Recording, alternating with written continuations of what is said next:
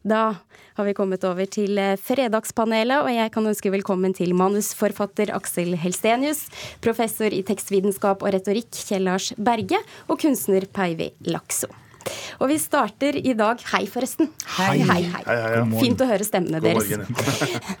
Vi starter i kinosalen, for ungdom de går mye sjeldnere på kino nå enn for 15 år siden. Det fortalte Kulturnytt denne uka, og tallene kom fra Norsk Filminstitutt. Og når ungdommen først går på kino, så velger de sjeldent norsk film.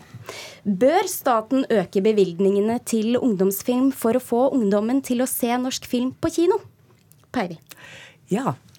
Aksel. Nei. Kjell. Nei. Nei. Vi begynner da med deg, Peivi. Jeg, jeg valgte at eh, denne, denne, denne svaren fordi at eh, jo mer man investerer i visse fenomener, la oss si om det er sport, eh, fotball eller skiløping eller ishockey for så vidt, som også er en liten idrett, så når man satser, så blir det da utvikling i bransjen. Og da kan man også gjøre- grep som eh, gjør at eh, ungdommen vil gjerne gå mer på kino. Man kan skape også opplevelser i forbindelse med kinobesøk, hvis man også satser på det økonomisk.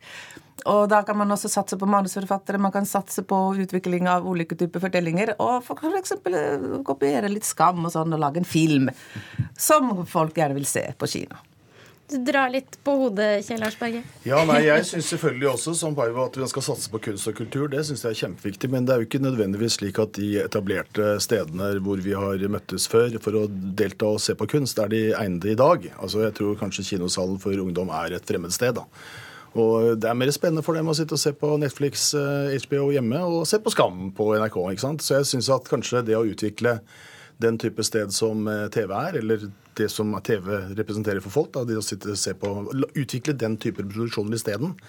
Sette pengene inn der ungdommen rett og slett er og ser på ting. altså. Og Da er det jo snakk om at det forandrer seg enormt. Sosiale medier, alt mulig som skjer rundt digitaliseringen, er jo selvfølgelig stedet hvor ungdommen ligger, sitter og ser Men på. hva tenker du om kinoens fremtid da? Ja, men er, Det er klart at den er utsatt, den. Den er jo for gamlinger som meg, ikke sant, som liker å gå ned på Gimle og se på franske filmer og sånn. Det Det er nok litt, eh, det er nok en litt sånn utdøende rase, men det er jo hyggelig å gå dit og ta et glass vin, altså. Men det er klart det er jo Ja, Men, Du skjønner hva jeg eh, mener, ikke sant? Jeg tenker som så at eh, Ja, Vi må ja. få slippe til Aksel Ja. først her, da, som Ja. ikke har fått svare ennå. Nei, altså jeg sa nei fordi at jeg tror ikke Jeg tror ikke det handler egentlig om penger. Pengene fins. Jeg tror det handler om hvilke filmer. Altså Man må stikke fingeren i jorda som vanlig. Altså er det man, Hvorfor går du på kino? Og du går egentlig ikke på kino for å se din egen virkelighet, for å se liksom vond virkelighet i Oslo øst og, og vanskelig. Altså, du går for å drømme deg bort. Det har man gjort siden slutten av 1800-tallet. Og det, Med en gang det kommer sånne filmer, du kan drømme deg bort, eller det er Bølgen, og det er spennende ting, og det er skrekk og horror eller kjærlighet, eller sånn- noe som er litt over the top, større enn deg selv, så har du lyst til å se det. Og vi har jo, Jeg har vært med på denne trenden selv, liksom å lage reali- reali- realistiske filmer om eh, samtiden.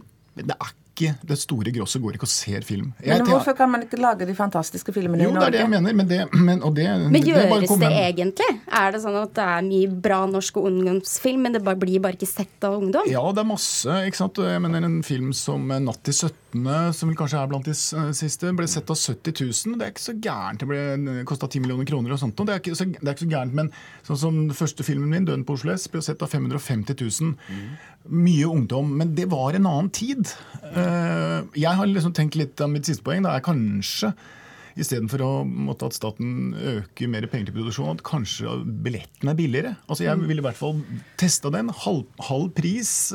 Og er du fire stykker, så er det kvart pris, og så får du tre popkorn og tillegg. Altså at man markedsfører litt. da. Jeg tenker det som så at små barn går på kino, ikke sant? og det er en opplevelse å være i kinosal i seg selv og ha popkorn og være der med foreldrene og ha en opplevelse som er eh, sammen, også sosialt. ikke sant? Og hvorfor skal man hoppe over eh, en generasjon og tro på at ikke de er interessert i det? Og hvordan, hvordan kunne man liksom øke interessen til å, å få dem inn i kinosalen? Og jeg mener jo det at det er mulig å lage gode filmer her, men man må ha gode manus, man må ha gode forhold til det. Vi lar det bli med det og hopper videre til norske gallerier, for de er altfor dårlige på å nå ut til vanlige folk. Det ble i hvert fall sagt i Kulturnytt i går. Bakgrunnen var kritikken til kunstanmelderen i Bergens Tidende, som bl.a. kritiserte formuleringene til samtidskunsttrinialen Bergen Assembly. The exhibition is extended in time as well as space and offers a slow spatial narrative that invites the audience to engage with the works for prolonged periods of time. Det var noen av formuleringene. Er det slik at all kunst skal være for absolutt alle, Kjell Nei, definitivt ikke. Ja, jo. Nei. Men det var jo egentlig et annet spørsmål jeg hadde tenkt på. Men eh, det var liksom et, et, litt et annet spørsmål som kom. eh, For, eh, for gallerier og museer har jo da har de ansvar å, å forandre eller tenke på språkbruk for å folkeliggjøre kunsten. Men Ja. til det svaret så er mitt svar også nei. Det er samfunnsoppdragsoppgave til NRK f.eks. Den vanskelige kunsten som jeg har sett på TV osv. Det er skoleverket. Det er å forstå historien, hvordan kunst ble i den, den er i dag. Hvorfor har det blitt slik? Jeg er helt enig i at den eh, teksten som vi hørte på, det er jo helt svada, på en måte. Det å skrive er også kunst. Det er ikke lett å skrive effektivt, kort og forståelig. Det er faktisk veldig krevende, og billedkunstfeltet strever med det, men også fordi de vil være med i akademia. De vil være med i forskning, fordi kunst i seg selv er jo et felt i samfunn som representerer noe som ikke alle kan gå i dybden i, hvis ikke de er spesialister, spesialister i feltet. Sånn er det. Eh, Og språket innimellom er jeg svada. mener, jeg mener jo at eh, Jeg hadde en interessant eh, diskusjon med taxisjåføren som kjørte meg hit i dag, Ja. om kunst og kunstfeltet. Han var en ikke-bruker av kunst, men han var jo enig i at, er klart at hvis man hadde kommunisert på en annen måte, som også traff han, så kanskje han hadde vært med på det. og Det er ikke det at, at man må selge og lage reklametekster for å få inn, men jeg tror jo at det er helt unødvendig å skrive på en måte som gjør at du at du ekskluderer mange som burde ha vært der. Og Men nå kan jeg jo- ta- nå kan jeg jo- men- men- men- gjøre men- begge her. Men det er jo et, det, er jo et annet element her som går på kunstutviklingen. da, ikke sant? Det er jo ganske lenge siden Marcel Duchamp stilte ut et pissoar og kalte det ready made. ikke sant? Og så må du da få forklart for deg hva det betyr.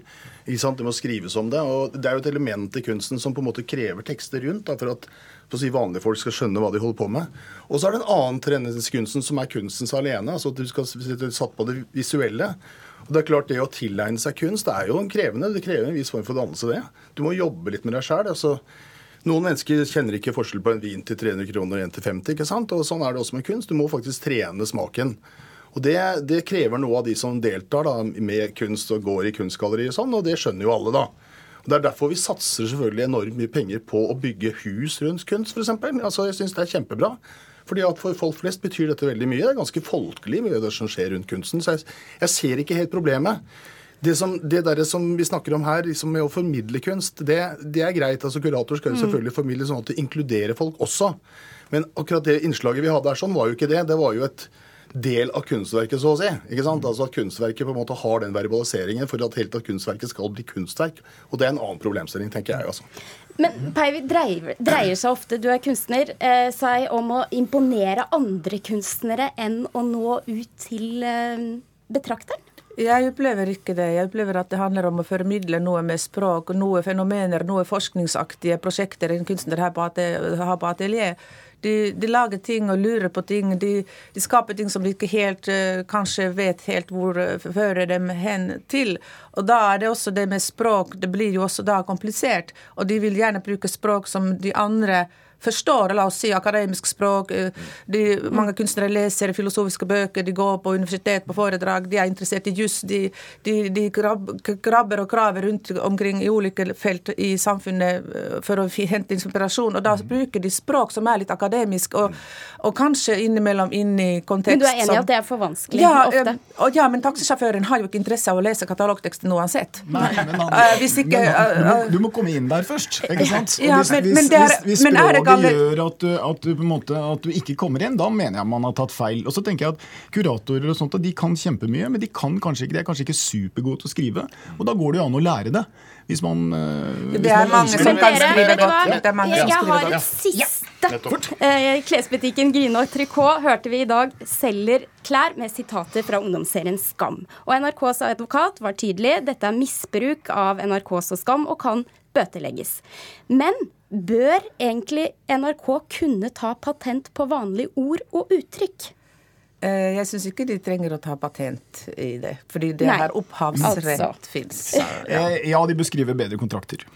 Ja, så Hvis det er uttrykk som på en måte definerer produktet, sånn som dette med skam, så bør de betales for det, ja. Absolutt. Ja, men patent, patent, hva Ja, er patent patent? er vanskelig det skulle jeg gjerne forstått hva Ja, patent betyr. hva, hvordan tolker dere det? Altså det, jeg mener jo det at uh, altså Hadde dette Skam vært et amerikansk selskap som sto bak, så hadde dette stått i kontraktene absolutt alt om formuleringer, hvem kan bruke den, hvem kan bruke hva koster det. Altså NRK er jo amatører på dette her, og fordi at de har ikke lov til å ta penger. Hadde dette vært TV 2, en annen kommersiell eh, kanal, produksjonsselskap, så hadde dette ligget inne i de 10 000 sider lange kontraktene. Eh, og så hadde man tjent masse penger på det. Uh, men det kan ikke NRK gjøre, så man er i en skvis. Ja, Det er jo noe med opphavsrett generelt for kreative verk som for kunstnere er veldig viktig. Mitt kunstverk for eksempel ble avbildet og fotografert og brukt i en reklame for en fotograferingskonkurranse for vanlige folk. Og da fant jeg ut av dette her eh, helt tilfeldig. Og da har jeg jo da en instans jeg kontakter, og det heter Bono, som kan da kjøre denne saken og kan ta kontakt med dem som har brukt foto av mitt kunstverk, uten å spørre om tillatelse eller tilbu, fordi en liten kompensasjon for det. Og sånn generelt så kreative verk osv. Jeg har jeg har aldri kalt mitt kunstverk for patent, og det er det ordet patent jeg reagerer på her. Altså jeg, jeg bare tar en liten anekdote for min egen del. Altså jeg er født i 57. Det Jeg, jeg, jeg, jeg husker på Grorud sentrum så solgte de Beatles-sokker i 1964. Jeg kan garantere at det kom advokater etter den butikken. altså. Og det, det er jo fordi at dette her er selvfølgelig kunstnernes rett til å eie sitt eget uttrykk. Og det skal det betales for, ærlig talt. Tusen takk, Kjell Lars Berge, Aksel Estenius og Peivi Lakso.